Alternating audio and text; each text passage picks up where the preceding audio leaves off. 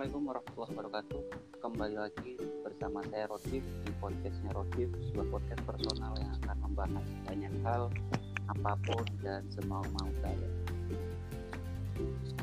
What's up guys? Gimana kabar kalian semua? Semoga baik saja ya di tengah hiruk pikukan masih soal pandemi virus corona di Indonesia ini yang benar-benar luar biasa dan masih mewabah. Semoga saya doakan kalian semua pendengar podcast saya di mana pun dalam situasi sehat dan selamat aman selalu. Amin Allah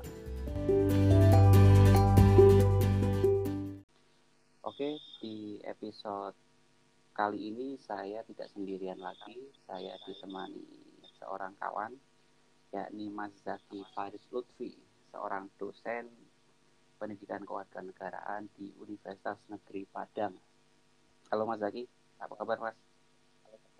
Iya, iya, halo, Dev. Gimana kabar? Saya baik. Baik.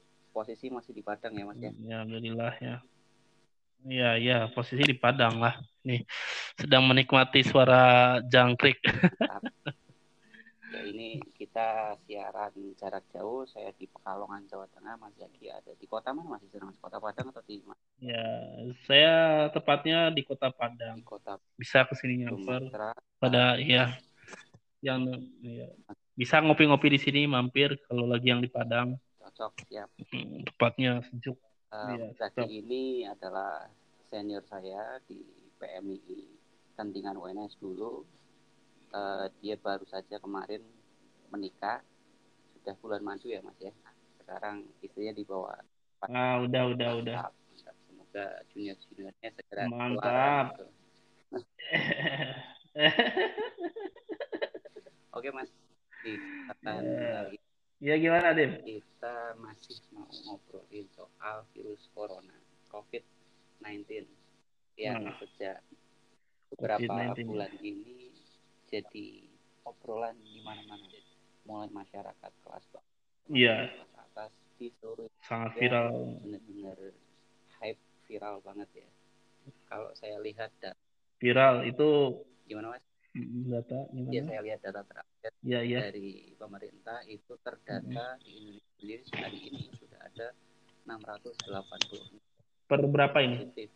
Di tanggal ya. 24 Maret ini saya siaran 24 Maret 22 15 tanggal 24 Maret itu terdata ada 686 kasus positif kemudian sembuh ada 30 dan meninggal 55 orang. Memang secara data kalau kita hmm. lihat lonjakannya begitu drastis ya di Indonesia ini ya dan juga jumlah meninggalnya termasuk yang paling banyak dibanding negara-negara sekitar. Mungkin ya kita di episode yang kemarin sudah ngomong bahwa mungkin kesiapan pemerintah di sini yang jadi persoalan masyarakat kita yang masih cenderung untuk tidak disiplin mematuhi apa yang sudah diinstruksikan atau diimbau oleh pemerintah sehingga uh, ya ini mewabahnya begitu cepat. Ini tidak bisa kita menyalahkan satu atau dua pihak. Kita hari ini harus kemudian sama-sama menyadari ini adalah tanggung jawab kita bersama. Apa yang kita bisa lakukan silakan kita lakukan. Imbauan yang baik dari pemerintah sebaiknya memang harus kita ikuti gitu ya mas ya. Nah, ya betul betul betul. Ini karena saya berbicara dengan seorang dosen pendidikan keluarga negaraan saya tidak mau mengangkat uh, topiknya ke arah apa soal sisi medis atau bagaimana tanggapan atau respon pemerintah masyarakat seperti apa tapi saya akan coba kulik nanti di episode ini adalah Mas Zaki ini sebagai dosen PKN dia nanti akan saya coba tarik. Gimana sih sebenarnya kalau berbicara mengenai civic duty atau tanggung jawab atau kewajiban masyarakat pada negara di situasi krisis seperti ini itu seperti apa? Gitu ya mas ya? Nah iya betul betul. nah, karena mm -hmm. kalau kita amati di medsos belakangan ada perdebatan kita mau lockdown tapi mungkin belum siap situasi masyarakat mm, iya, psikologis antropologisnya.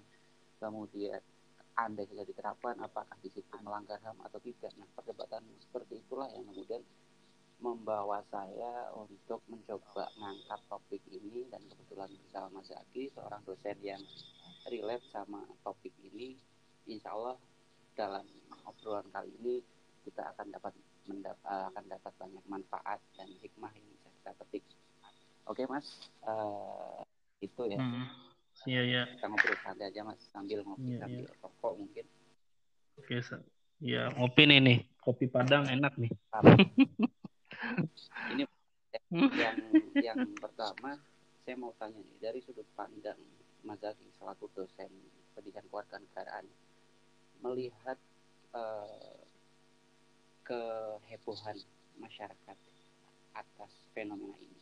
Wabah virus corona.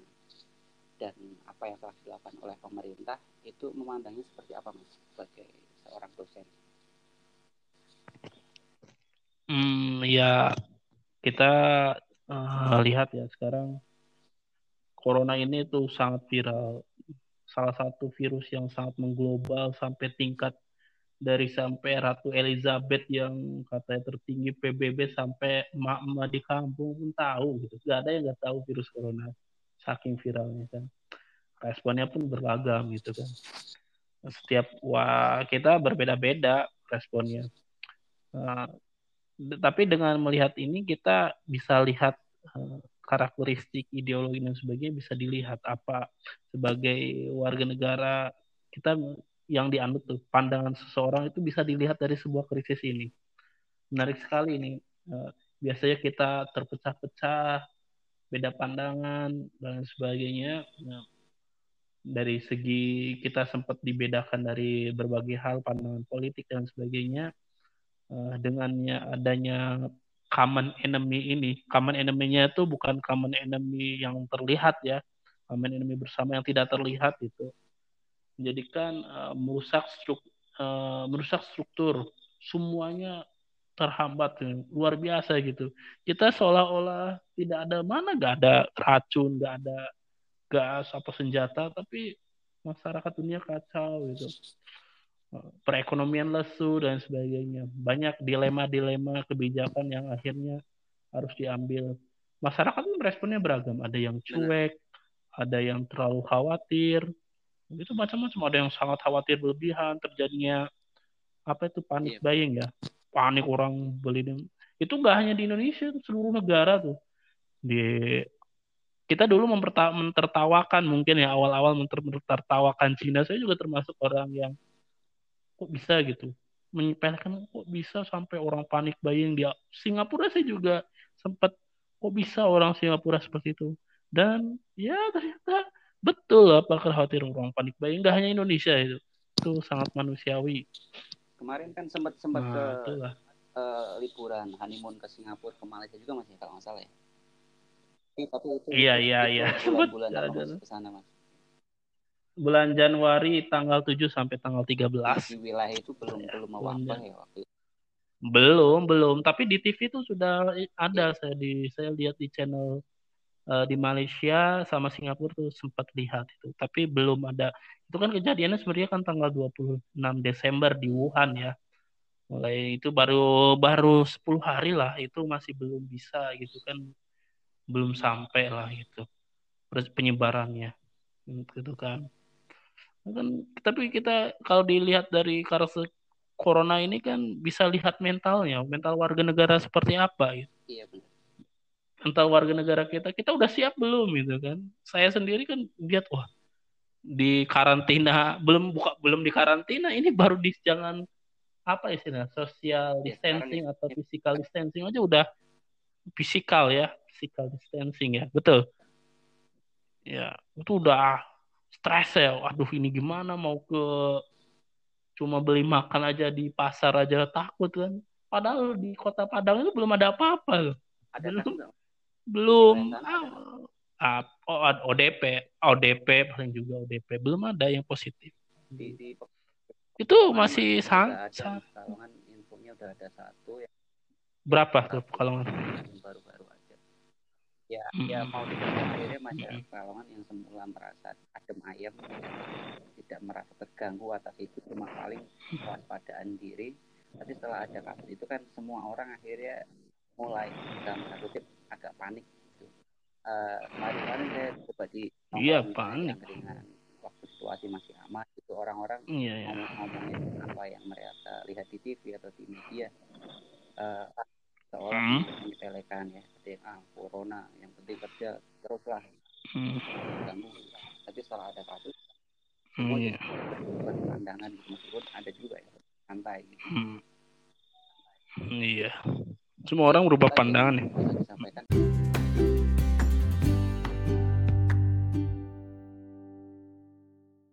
gini mas eh, kalau melihat masyarakat kita eh, sebagai warga negara gitu ya, siapa pun gitu warga negara Indonesia bagaimana sih sebenarnya eh, kemudian mengambil sikap ketika pemerintah sudah melakukan mengeluarkan imbauan untuk social distancing atau yang sekarang istilahnya diganti dengan physical distancing mereka di beberapa titik bahkan yang seperti Jakarta yang memang sudah dalam kondisi rawan ya penyebarannya eh, polisi bahkan diterjunkan untuk membubarkan secara eh, apa tidak tidak Hmm. pakai kekerasan ya dipersuasi itu mereka diminta untuk bubar karena Iya. tujuannya jelas ini agar tidak penyebarannya makin meluas gitu kalau Mas Zaki sendiri gimana Mas pandangannya pendapatnya sebagai seorang dosen PKN ini Iya, ya warga negara itu kan sebuah himbauan warga negara itu kan merupakan tanggung jawab atau ada istilah civic responsibility atau tanggung jawab warga negara, ada uh, civic justice uh, artinya istilahnya uh, kewajiban warga negara ya, keharusan. Nah, mereka harus taat gitu dengan segala pertimbangan gitu. Seibaratnya seorang tentara yang kamu siap berperang karena ya harus berangkat gitu. Ini kan sebenarnya himbauan untuk menjauhi keramaian itu kan sederhana sebenarnya. Gampang kok. Ya, nggak terlalu sulit lah. Jangan rame-rame ribut-ribut. Nah, itu kan warga negara kan ya nggak himbauannya tuh nggak sulit-sulit banget menurut saya. Nah, tapi masalahnya kan nggak semua warga negara ada sense ke sana. Kalau untuk aturan ya mau nggak mau mereka harus taat gitu. Apakah mereka mungkin menurut saya mereka di antara mereka tahu gitu alasannya. Kenapa sih nggak boleh rame-rame? Nah itu kan pertanyaannya kalau kita warga negara kan, eh kamu jangan rame-rame kan? Pasti orang-orang, nah pasti rame-rame aja nggak boleh. Itu mungkin hanya se- mungkin hanya 40% lah yang mereka eh, tidak tahu mengapa alasannya nggak boleh nggak boleh rame-rame itu 20% atau paling banyak 40%. Tapi kan yang nggak ada tuh sense of apa namanya Iya. krisis itu. Bahaya, bahaya krisisnya itu kan nggak ada, nggak punya itulah.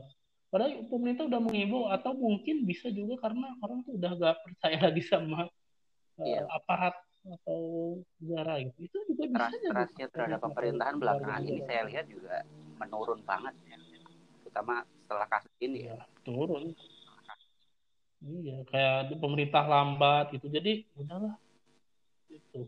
Nah, Gitu, ya Eh, kemudian mungkin pasrah aja. secara sosiologis, antropologis kan masyarakat Indonesia ini eh, punya kayak semacam apa ya kalau boleh saya bilang klan atau kelompok golongan yang terkadang itu lebih dipatuhi ketimbang pemerintah pusat atau pemerintah daerah gitu.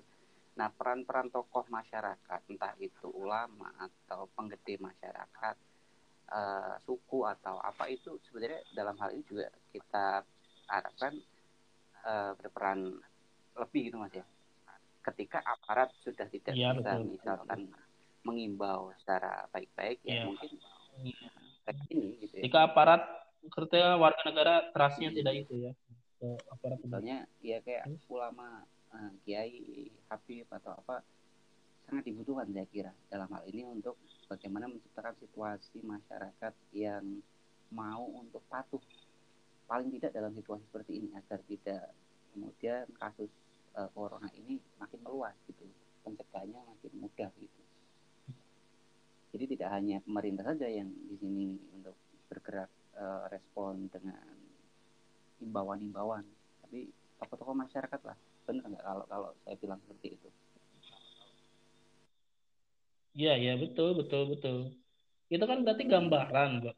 Sepet, eh, kenapa kenapa masyarakat itu lebih percaya kepada kiai atau ke tokoh masyarakat ulama atau ada istilah baru influencer dibanding dengan anggota DPR atau pejabat-pejabat negara kan yang tidak itu kan berarti menggambarkan bahwa kedekatan antar ada gap antara government pemerintah pemangku kebijakan dengan rakyatnya gitu kan orang tidak percaya orang tidak peduli orang tidak itu ya karena itu karena apa sih selama ini kamu siapa gitu ngatur-ngatur saya kan gitu apa selama ini apa yang saudara ayomi kepada saya ketika uh, krisis ketika saya tidak punya uang misalnya ketika saya galau gitu.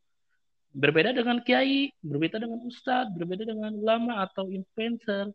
Mungkin kalau artis siram rohani mereka uh, terhibur oleh ini, jadi mereka percaya gitu. Kan kalau fan-fans aja, misalnya dia uh, apa ngasih fan ke idola mereka apa pun kasih kan, apalagi hanya imbauan segitu kan. Ulama mereka terasa tersiram rohaninya dan sebagainya. Nah, ini tiba-tiba orang gak dikenal misalnya uh, gubernurnya gubernurnya kan kalau gubernur-gubernur yang dekat dengan rakyat mungkin didengar. Atau ulama apa namanya pemerintah ini kan kadang kamu yeah. siapa gitu kan. Nggak dengar. Apa ya itulah mungkin. Kita menunjukkan bahwa oh di sini ada gap antara warga negara dengan pemerintahnya. Sehingga tidak didengar. Mungkin itu. Nah, saya aja wakil DPR saya aja siapa yang jadi gak tahu tuh. Saya itu yang dosen kewarganegaraan itu yang saya pilih aja mana ini orangnya jadi enggak sekali dipilih datang lagi enggak kan itu kan jadi masalah. Saya udah pilih capek-capek. Eh dia udah terpilih saya pernah milih seorang udah dipilih. Capek kan? Nah, istilahnya bukan capek istilah milih. Istilah saya udah merelakan suara saya. Kan politik kan gitu. Nih saya coblos kamu tapi kamu harus nurut sama saya kan? Nah, harus ketika saya sulit nah saya tempat bersandar gitu. Saya pernah ketika diskusi diajak diundang ke desa aja gak mau itulah. Itu mungkin gap kamu tuh siapa gitu. Kan orang nggak kenal itu siapa. Taunya anggota DPR ya mungkin mereka tahu mereka anggota DPR tapi pengaruh nggak sama saya? Ngefek nggak? Nah, itu yang masalah. Ngefek. Makanya pemerintah influencer, ulama menghimbau minta pertolongan kepada minta tolonglah ulama kayak semuanya menasehati. Itu kan gerakan bagus. Gitu sih sangat betul harus itu. Gak hanya kiai ulama influencer artis pun mereka taati kalau untuk untuk itu. Bocah TikTok TikTok pun mungkin didengar. Kalau mereka benar. sih mas. Uh, saya sepakat kalau ngomong influencer ya hari ini. Misalnya kemarin nih uh, di Twitter stand up komedian bintang Emon ya videonya viral. Ketika yeah, dia menyampaikan tentang yeah. corona ya dia bilang uh, intinya jangan sok-sokan udah takdir-takdir kalau memang nggak takut sono no uh, sama macan apa apa dia bilang gitu terus uh, dan dia dengan dengan nanti bercanda gitu ya, dia dia bilang seperti itu dan itu lebih uh, membuat masyarakat mengenal mengena ya. mudah dipahami gitu. Dan bahkan oleh pejabat-pejabat politik kita misalnya saya lihat uh, Cak Imin uh, dari PKB kemudian ada pejabat lain yang ikut nge-share itu misalnya juga Habib Haidar Bakir sebagai tokoh yang kita tahu kapasitasnya kapabilitasnya pengaruhnya seperti apa di masyarakat Indonesia. Ikut nge-share itu juga karena rata-rata hari ini kita butuh uh, apa ya uh, menyuarakan pesan-pesan positif tentang corona kepada masyarakat ini agar tetap selalu waspada, jaga diri, mau mematuhi apa yang disampaikan oleh pemerintah. Itu lewat lewat mereka itu. Ketika menjadi berbeda misalnya yang bilang adalah Fadlizon Nuan Sewu. Atau Fahri Hamzah atau tokoh politik siapa lah dari pemerintah misalnya ada Budiman Sujatmiko atau siapa rasa-rasanya akan berbeda. Himbauan atau anjuran yang mereka sampaikan ketimbang tokoh-tokoh yang lahirnya dari mana kita nggak tahu. Kayak si Pina Iman itu dari sana yeah. atau siapa lah itu lebih bisa diterima oleh uh, masyarakat ya karena mungkin bahasanya ringan mereka deh bahasa yang dipesankan oleh influencer itu ringan sederhana mudah dipahami jadi orang tuh menerima gitu mencerna. Coba ya kayak SJTW kan misalnya Sujewo Tejo bicara kenapa gak istilah social distancing? Orang apa? Orang kampung gak bakal dengar. Coba istilahnya jaga jarak pakai logika logika sederhana aja gitu. Jadi orang tuh mudah mencerna, mudah terhibur dengan guyon gitu. Santai aja daripada pakai istilah itu kan mungkin berat gitu. Udah politisi, udah trustnya, ah kamu ngomong apa kayak peduli aja sama saya kan. Gitu. Itulah yang mungkin trustnya tadi. Terus bahasa, masalah bahasa komunikasi. Kan komunikasi sekarang kan, ya mohon maaf kita kritik ya misalnya. Pemerintah yang main case-nya itu komunikasi politiknya jelek kan banyak orang nggak ya. nggak ini nggak respon ke sana. Nggak trust itu sih? Bahkan kebijakan taruhlah dianggap baik kalau kita punya uh, se uh, dengan rasionalis kita itu baik karena kita sudah tidak percaya ya gak bakal percaya juga. Itu nggak masalah. Kita udah trustnya hilang. Masa itu udah trust hilang. Itu mungkin. Lebih baik mendengar orang-orang yang memang ya sama-sama ter apa nama sama-sama uh, di bawah masyarakat kalangan nah, ini kembali lagi mas uh, ke apa civic duty.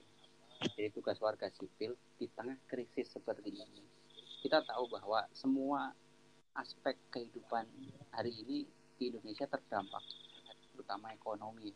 Kita nggak boleh egois bahwa uh, misalnya saya sebagai seorang pedagang wah pasar sepi nih ekonomi lesu saya kemudian cuma egois dari sisi situ saja Sementara banyak korban yang sudah berjatuhan akibat corona ini. Semua aspek kan terdampak. Driver-driver Gojek juga terdampak. Mungkin pegawai-pegawai juga akhirnya terdampak. Buruh juga terdampak.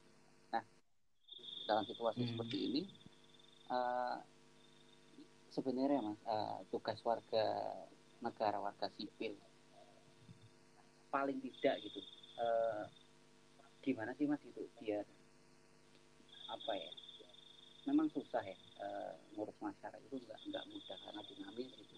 Tapi uh, hal apa yang kemudian hmm. bisa di uh, apa ingatkan ke masyarakat di tengah situasi seperti ini? Oh. Iya. Salah satu pendekatannya kalau untuk menghidup masyarakat itu pendekatan historis ya pendekatan sejarah gitu. Misalnya kita pun pedagang ada Gojek ataupun ya yang memang masyarakat yang membutuhkan itu kesadaran kan. Eh, kita kalau kita pendekatannya historis kita ingatlah zaman penjajahan Jepang, zaman apa. Bagaimana sih masyarakat itu sulit gitu. Kita punya dulu itu kan penjajah kita lawan pahlawan, rela orang-orang. Saya punya kak ini kisah unik ya, kisah dari buyut saya. Buyut saya itu rela berasnya semua diambil untuk para pejuang. Beras rela makannya sederhana gitu. Pokoknya beras di rumah itu cerita kakek saya dan bu, uh, saya itu. Rela berasnya dikasih untuk perang. Gak apa-apa saya makannya sedikit atau nggak makan. Yang penting pejuang bisa untuk makan itu. Itu rakyat kecil keikhlasan terhadap tanah air kan, keikhlasan untuk rela. Nah, nah itu mungkin nggak bisa nggak gitu krisis-krisis ketika itu digubah kembali. Nah, digubah untuk meyakinkan. Dulu juga kita pernah krisis ya ini resiko krisis. Warga negara harus ikhlas gitu kan. Nah, karena itu merupakan kewajiban negara. Kewajibannya ikhlas saja gini nanti kalau sudah reda kok nanti kita akan normal kembali kan. Yang kedua kan itu sebenarnya kalau takut kehilangan apa namanya kehilangan mata pencarian apa itu kan memang resiko yang dilematis. Ada istilahnya dilema moral. Buah simak si malakama kan kalau ini biar di, dijalankan korban banyak jatuh meninggal. Kalau ini masyarakat ini nah itu yang harus dikomunikasikan oleh dengan sederhana kepada masyarakat dengan pendekatan berbagai ya. Pendekatan historis dongeng tahayul apalah. Dengan pendekatan yang memang dulu zaman dulu eh jangan ke hutan A. Masyarakat kita kan kadang cenderung tidak rasional juga ya eh gak boleh gak boleh ke hutan A itu ada setan ada apalah. Mereka percaya. Kenapa kayak seperti ini? Tidak percaya gitu. Yang lebih rasional kan. Dulu zamannya krisis tahun berapa cacar itu tahun 50-an kalau cacar itu orang mempercayai cacar itu sebagai setan atau kutukan. Saya ingat sekali itu cerita cerita dari 60 tahun 60-an itu cari dari kakek saya dan ibu saya krisis kita tuh pernah alami cacar salah satunya cacar itu cacar itu dianggap sebuah penyakit dari setan atau apalah karena masyarakat waktu itu seperti itu. Nah, apa pendekatannya sekarang yang tepat ya? Mungkin ketika masyarakat sudah rasional ya pendekatannya historis loh dulu membangkitkan kembali krisis-krisis yang pernah ada kita pernah melewati itu. Nah, itu yang paling penting. Itu sih. Ada kisah-kisah teladan dulu misalnya kakek saya pernah ini ini ini. Jadi mereka tuh oh iya nggak hanya sekarang loh krisis. Dulu nenek moyang juga nenek moyang nenek kakek kita juga pernah krisis. Kok bisa menghadapinya gitu. Itu sih. Itu kan dari perspektif ini ya uh, apa masyarakat uh, sebaiknya seperti apa ya. Nah sementara yang kita lihat di medsos terutama itu banyak yang mengatakan kepada pemerintah misalnya ini, ini tadi itu bentar ini potong dulu. Suara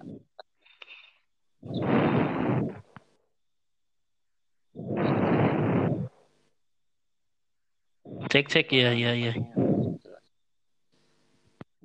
Ya.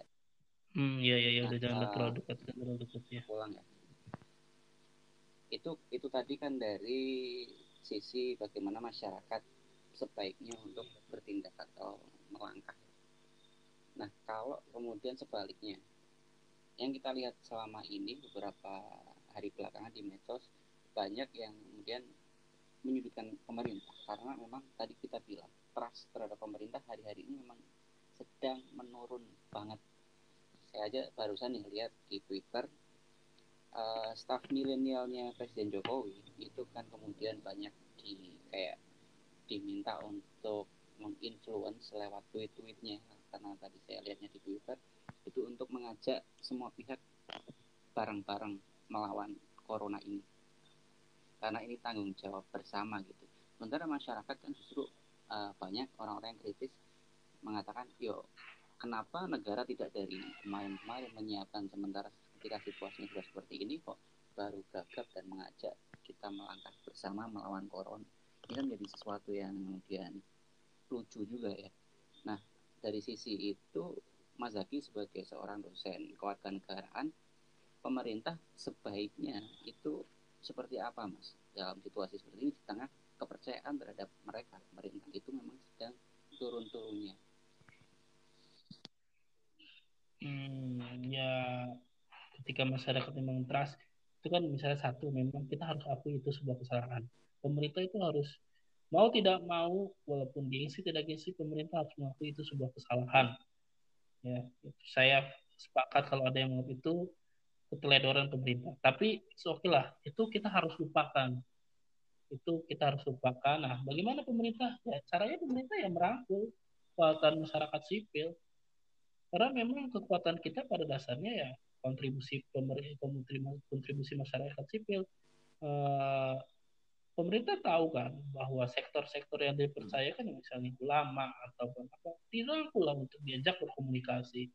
Lintas uh, stop. Saya misalnya politik identitas yang dulu ada perdebatan cebong versus kampret itu udah dilupain dulu. Ini kita punya common enemy. Kan dalam teori konflik konflik itu akan selesai ketika ada common enemy ya. Ada musuh bersama. Seperti penjajahan tuh kan sebenarnya Indonesia tuh banyak tuh.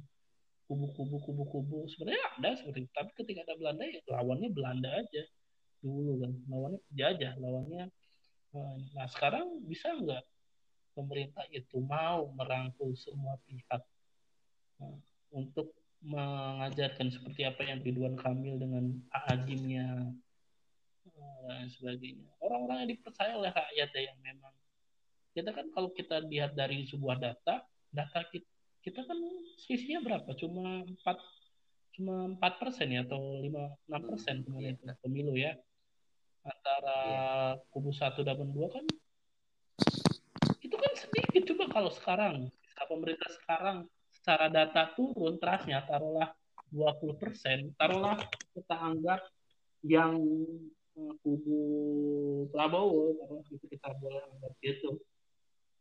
46% masih tidak percaya dengan pemerintah. Kubu pertahanan turun 20% sisa sekarang udah 70% lah sekarang gitu kita anggap ya kasarnya 70% lah kas pemerintah cuma 30% gitu kan. Itu kalau kita hitung hitungan politik ya sekarang yang memilih Jokowi saja udah agak ragu untuk itu. Sudah tidak sudah kecewa lah apa yang dipilih. Terus bagaimana untuk membangkitkan proses itu? Ya mau tidak mau semua kekuatan masyarakat sipil. Mana istilahnya mana saya saya pancasila saya Indonesia saya pancasila itu kan itu diuji betul tidak gitu kan. krisis ketika krisis kita itu benar-benar bisa uh, mengatasi itu ketika krisis kita krisis diuji bisa nggak merangkul orang-orang yang pernah taruh dikesampingkan? Yeah. influencer buzzer buzzer itu mau bersatu gitu mau nggak gitu? Kalau buzzer buzzer udah satu sepakat kalau buzzer-buzzer masih bertengkar ya jangan harap kita bisa melewati krisis ini ya. Buzzer-buzzer masih berantem kan ya? Jangan harap bisa krisis ini. Karena saya baca juga tadi uh, ada pred, ada yang prediksi kalau tidak salah dosen di UNS Pak Sutanto dia membuat skema matematisnya yang kombinasi antara sisi medis dan juga ekonomi. Kemudian beliau itu mencoba bikin rumus formula matematika uh, yang ditemukan yeah, bahwa dari prediksi itu dari analisis itu paling tidak sekitar bulan Juni uh, badai corona ini orang -orang akan selesai dengan catatan pemerintah dengan segala sumber dayanya entah itu alat-alat yang disiapkan fasilitas medisnya itu uh, benar-benar dipakai secara baik dan masyarakat juga bisa mematuhinya. Itu diprediksi sampai Juni. Sementara kan kalau kemarin himbauan dari BNPB kalau tidak salah itu sampai akhir Mei potensi masalah ini uh, bakal terus ada gitu uh, corona ini grafiknya mungkin akan terus naik sampai akhir Mei mungkin sudah mulai mereda Iya iya. Puncaknya tuh April Orang ya. sangat was-was tentu dengan hal itu. Apalagi sebentar lagi kita mau masuk bulan puasa ya, Lebaran. Orang-orang yang biasanya Lebaran itu dapat THR, senang-senang, kemudian yang eh, apa ngomong ekonomi juga pasar itu rame-ramenya. Ini was-was semua akhirnya. Kalau masing-masing orang warga negara egois ya bisa-bisa makin fatal ini kasus gitu ya, masalah corona ini ya makanya memang harus benar-benar semua pihak menyadari pemerintah kalau saya sih pengennya ada pengakuan uh, rasa bersalahnya dari pemerintah diungkapkan secara langsung bahwa ya kemarin kita sudah teledor ini itu tapi setelah itu diambil tindakan yang tegas responsif mereka nangani dan masyarakat juga saya pikir setelah itu akan uh, mau kok sebenarnya itu masyarakat mau untuk diajak patuh di situasi krisis seperti ini. Hmm.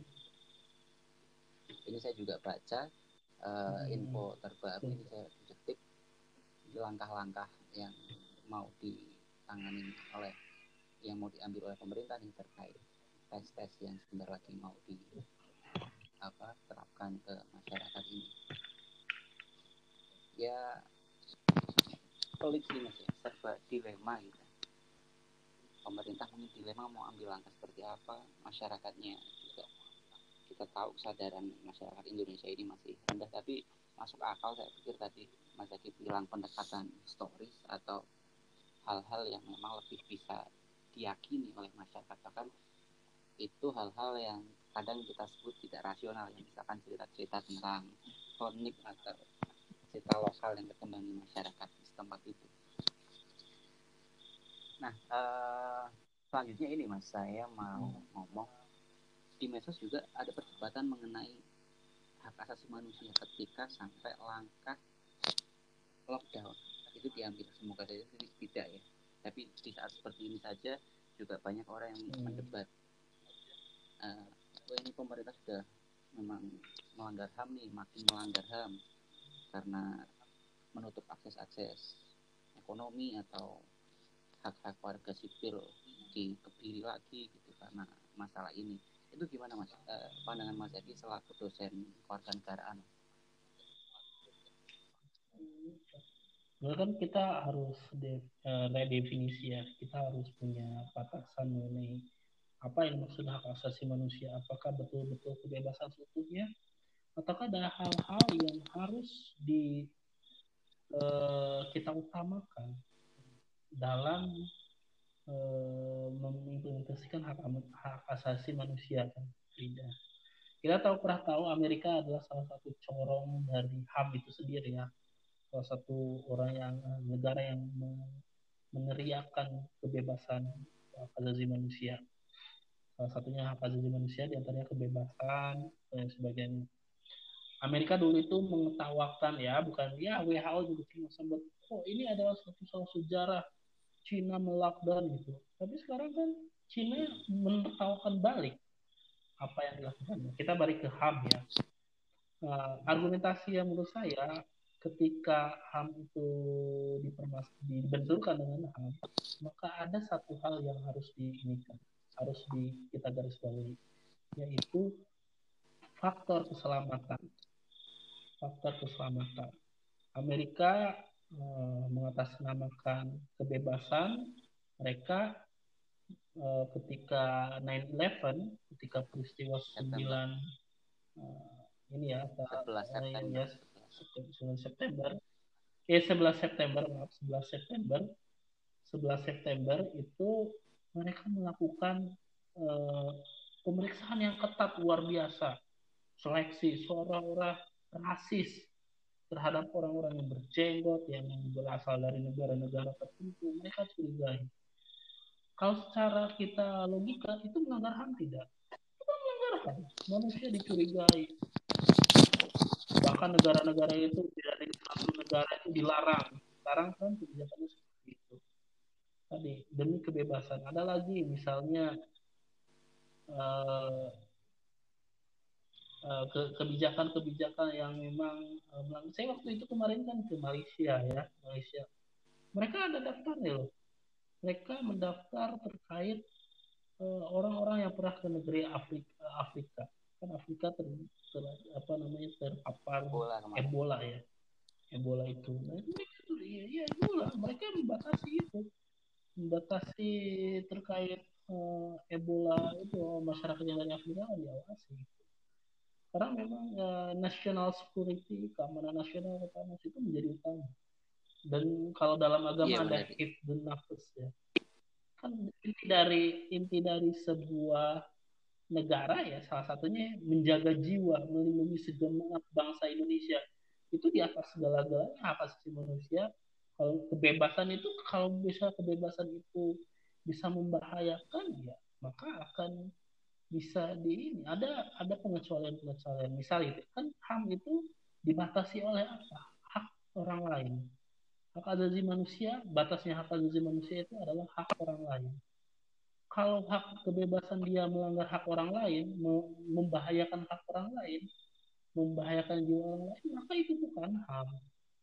Kalau dia dengan keluar dengan apa bisa membahayakan orang lain, maka itu bukan HAM.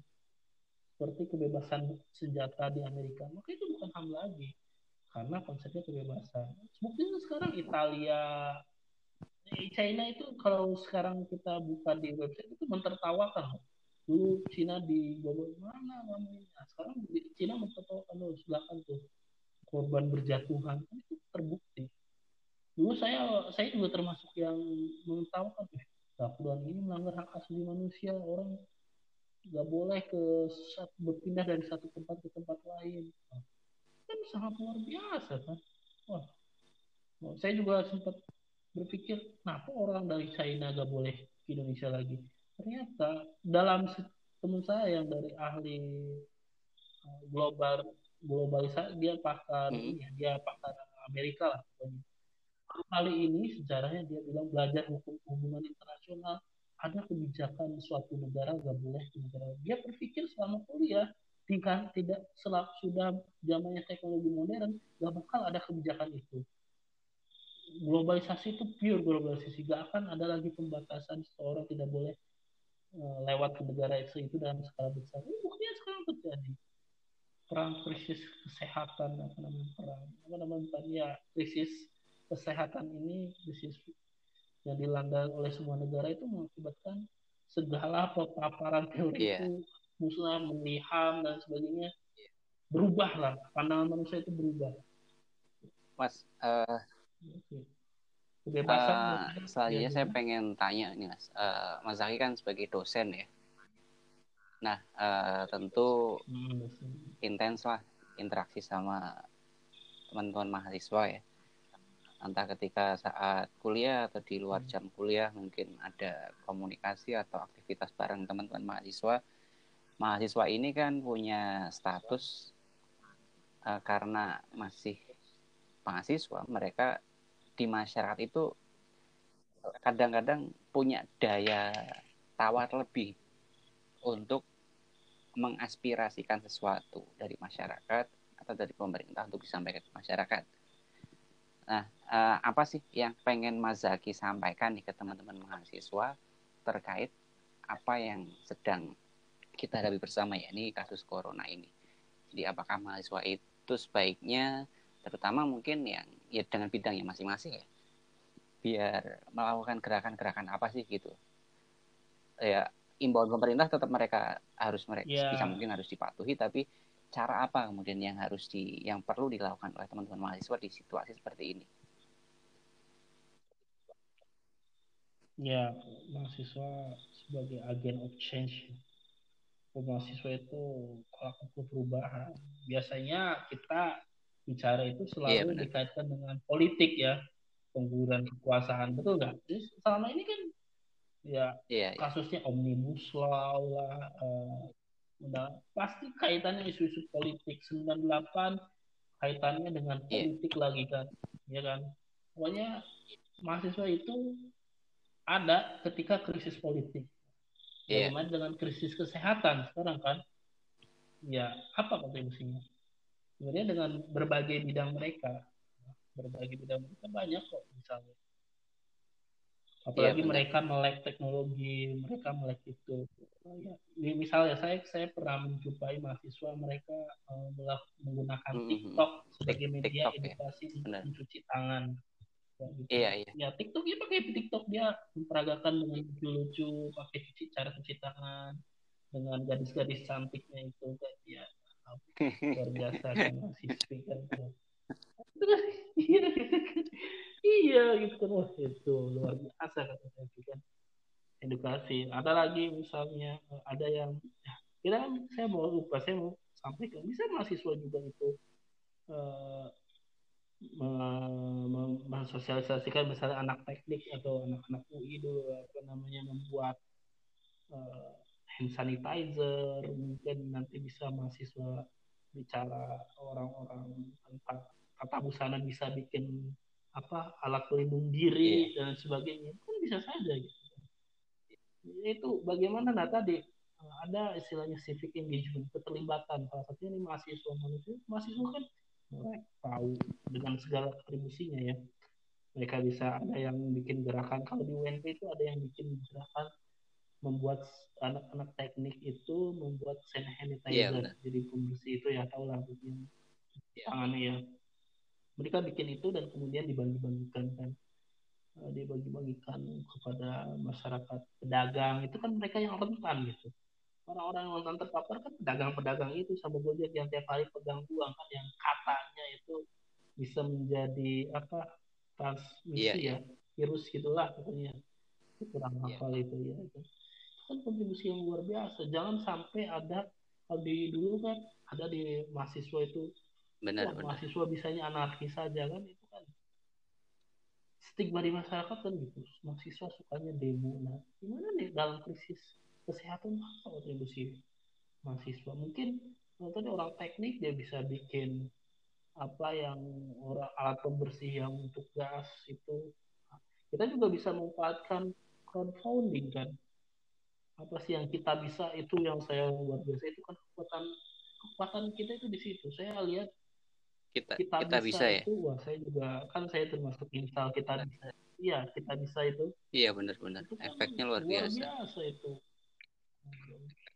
Efeknya luar biasa. Sumbangan dana siapa itu yang influencer itu yeah. namanya sampai 2 miliar sampai kita bisa 20 miliar. Masa tidak cukup untuk itu? Bisa.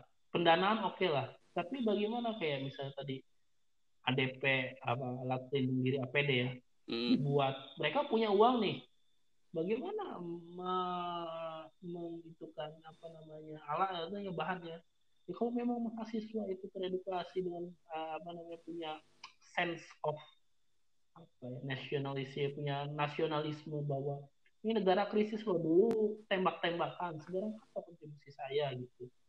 Itu yang harus di apa kontribusi saya terhadap negara apa yang telah saya berikan terhadap negara itu kan saya juga mempertanyakan jangan ke mahasiswa saya juga mempertanyakan apa yang bisa saya berikan kepada negara? Gitu. Selain misal kalau ada sumbangan ikut sumbang itu kan hal yang paling sederhana. Apa itu? Sumbangan apa? Pikiran kah? Riset kah? Edukasi lah. Mumpung negara mumpung bukan mumpung negara lagi krisis ya. Kita tunjukkan kalau nggak lagi krisis yeah. mah ya bisa santai aja kan sambil main PS walaupun kalah terus ya bang Radir dulu kita aja. Zamannya zaman belum. Zaman itu kan kita yang mahasiswa yeah. kan ya nggak ada beban. Yeah, isu-isunya paling isu BBM apa gitu. Sekarang isunya itu luar biasa. Mahasiswa mana itu? Gajaya nama memanggil tuh apa sekarang? Bisa nggak gerakan-gerakan itu? Jangan sampai cuma demo-demo doang disuruh untuk sumbangan itu. Bagaimana? Bisa enggak gitu? Itu kan yang perlu ditanyakan. BMSI kan juga omnibus law via internet ya gimana lah gitu. Bisa nggak bikin gerakan seperti itu? Bikin rumah sakit kayak rumah sakit darurat bisa. Iya rumah sakit darurat. Kan yeah. bisa aja. Cobaan mahasiswa. Ah, aku nggak yakin kalau mau BEM BMSI BEM apa? BEMNAS apa?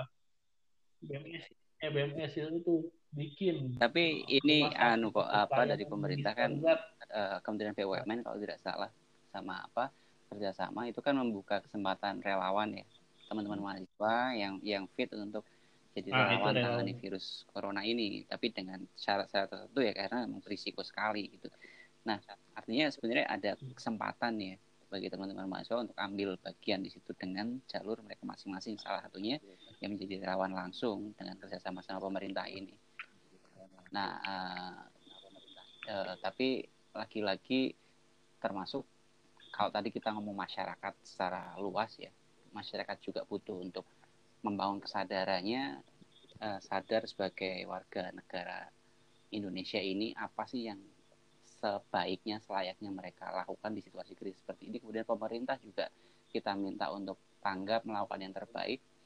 Mahasiswa sebagai elemen yang saya tarik menjadi elemen lain yang jadi katalisator atau apa pun lah istilahnya itu penghubung antara negara dan masyarakat ini juga uh, penting ya di situasi seperti ini. Oke okay lah singkirkan dulu tuh sentimen-sentimen golongannya. Kita bareng-bareng berjuang nih lawan virus corona.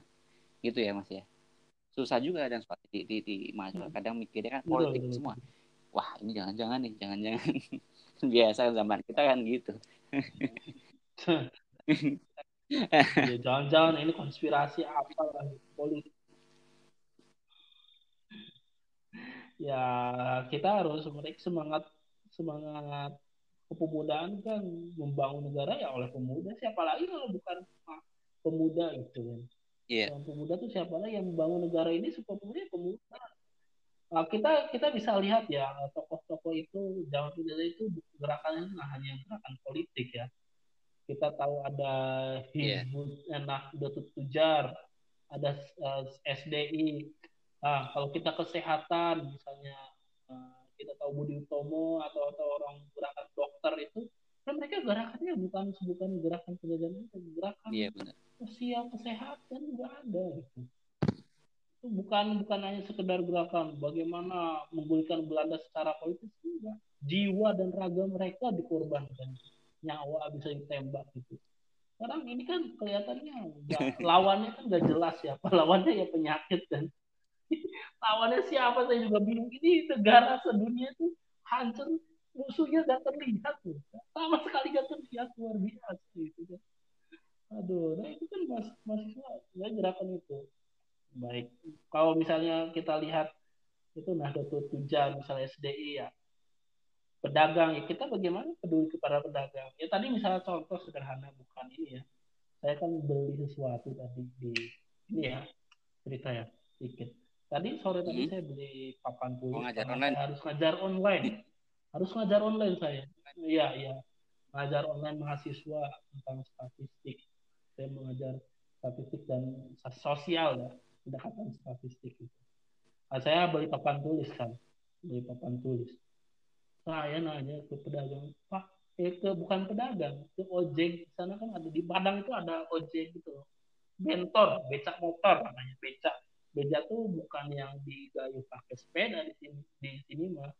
Jadi pakai motor gitu gimana mas? Iya, kan kalau iya kalau beca itu uh, mereka saya tanya ke tukang beca tuh gimana uh, apa namanya ke keadaan apa namanya ekonomi gitu? Bang gimana rame nggak? Ah gara-gara corona nih saya nggak bisa narik. Ah. masa sehari dulu baru satu? Gitu kan. Kebetulan saya mau order kan ah, saya order aja tuh. Bayarannya udah murah kan? Waduh. Bayaran murah. Lah itu saya kan nggak tega kan gitu ya. Ini ya. Mau gak mau. Harus kasih itu kan. Itu kan sederhana aja uang becak motor itu. Wah gara-gara corona itu padahal yeah, yeah. mana corona gak kelihatan kan? Luar biasa. Itu baru baru survei satu orang gitu. Belum yang lainnya pedagang-pedagang kan gitu. Yang wisata terutama yang sektor-sektor itu sepi banget padahal kadang belum kena gitu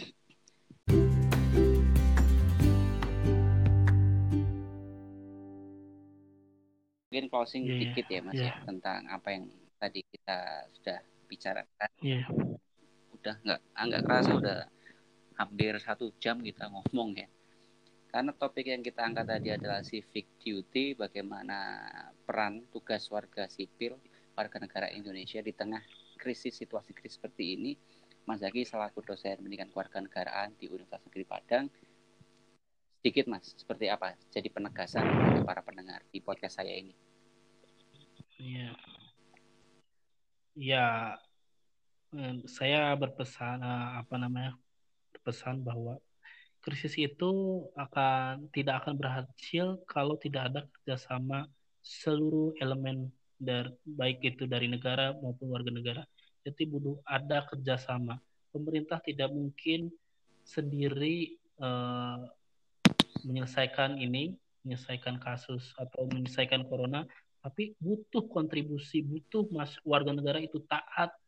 Taat saja tidak cukup, patuh saja tidak cukup, tapi bagaimana bersama-sama dengan uh, pemerintah uh, merelakan untuk berkorban baik itu tenaga, uang, pikiran untuk bersama-sama menyelesaikan krisis yang sedang kita alami itu. Kalau dahulu kita berperang melawan penjajah, nyawa kita ber, uh, direlakan, mari saatnya ini dengan mentaati pemerintah dan medis saja sudah cukup.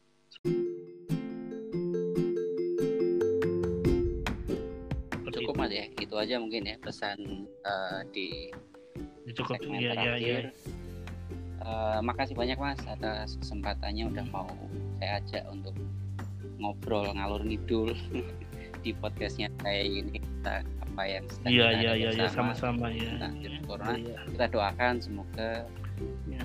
wabah virus corona ini terutama di Indonesia dan pada umumnya di seluruh dunia segera bisa ya, diselesaikan ya, amin, amin. warga masyarakat semuanya pada sehat lagi pada bisa aktivitas seperti sedia kala lagi dan Mas Aki dan istri semoga juga sehat-sehat Mas di sana Mas ya Amin ya sehat dulu ya ya amin amin pada Mas Rodip juga sehat selalu biar sehari lah dengan podcastnya sukses biar uh, yang Amin. dengar semakin banyak ya untuk maju terus channel podcastnya ya. Terima kasih banyak sampai jumpa di episode selanjutnya mungkin bisa kita ngobrol-ngobrol lagi di ya, ya, topik ada. yang lain. Oke itu aja para pendengar podcastnya Rodif yang masih setia. semoga apa yang baru uh, kami obrolkan ini bisa jadi manfaat ya buat semuanya khususnya buat saya yang terus ingin belajar wassalamualaikum warahmatullahi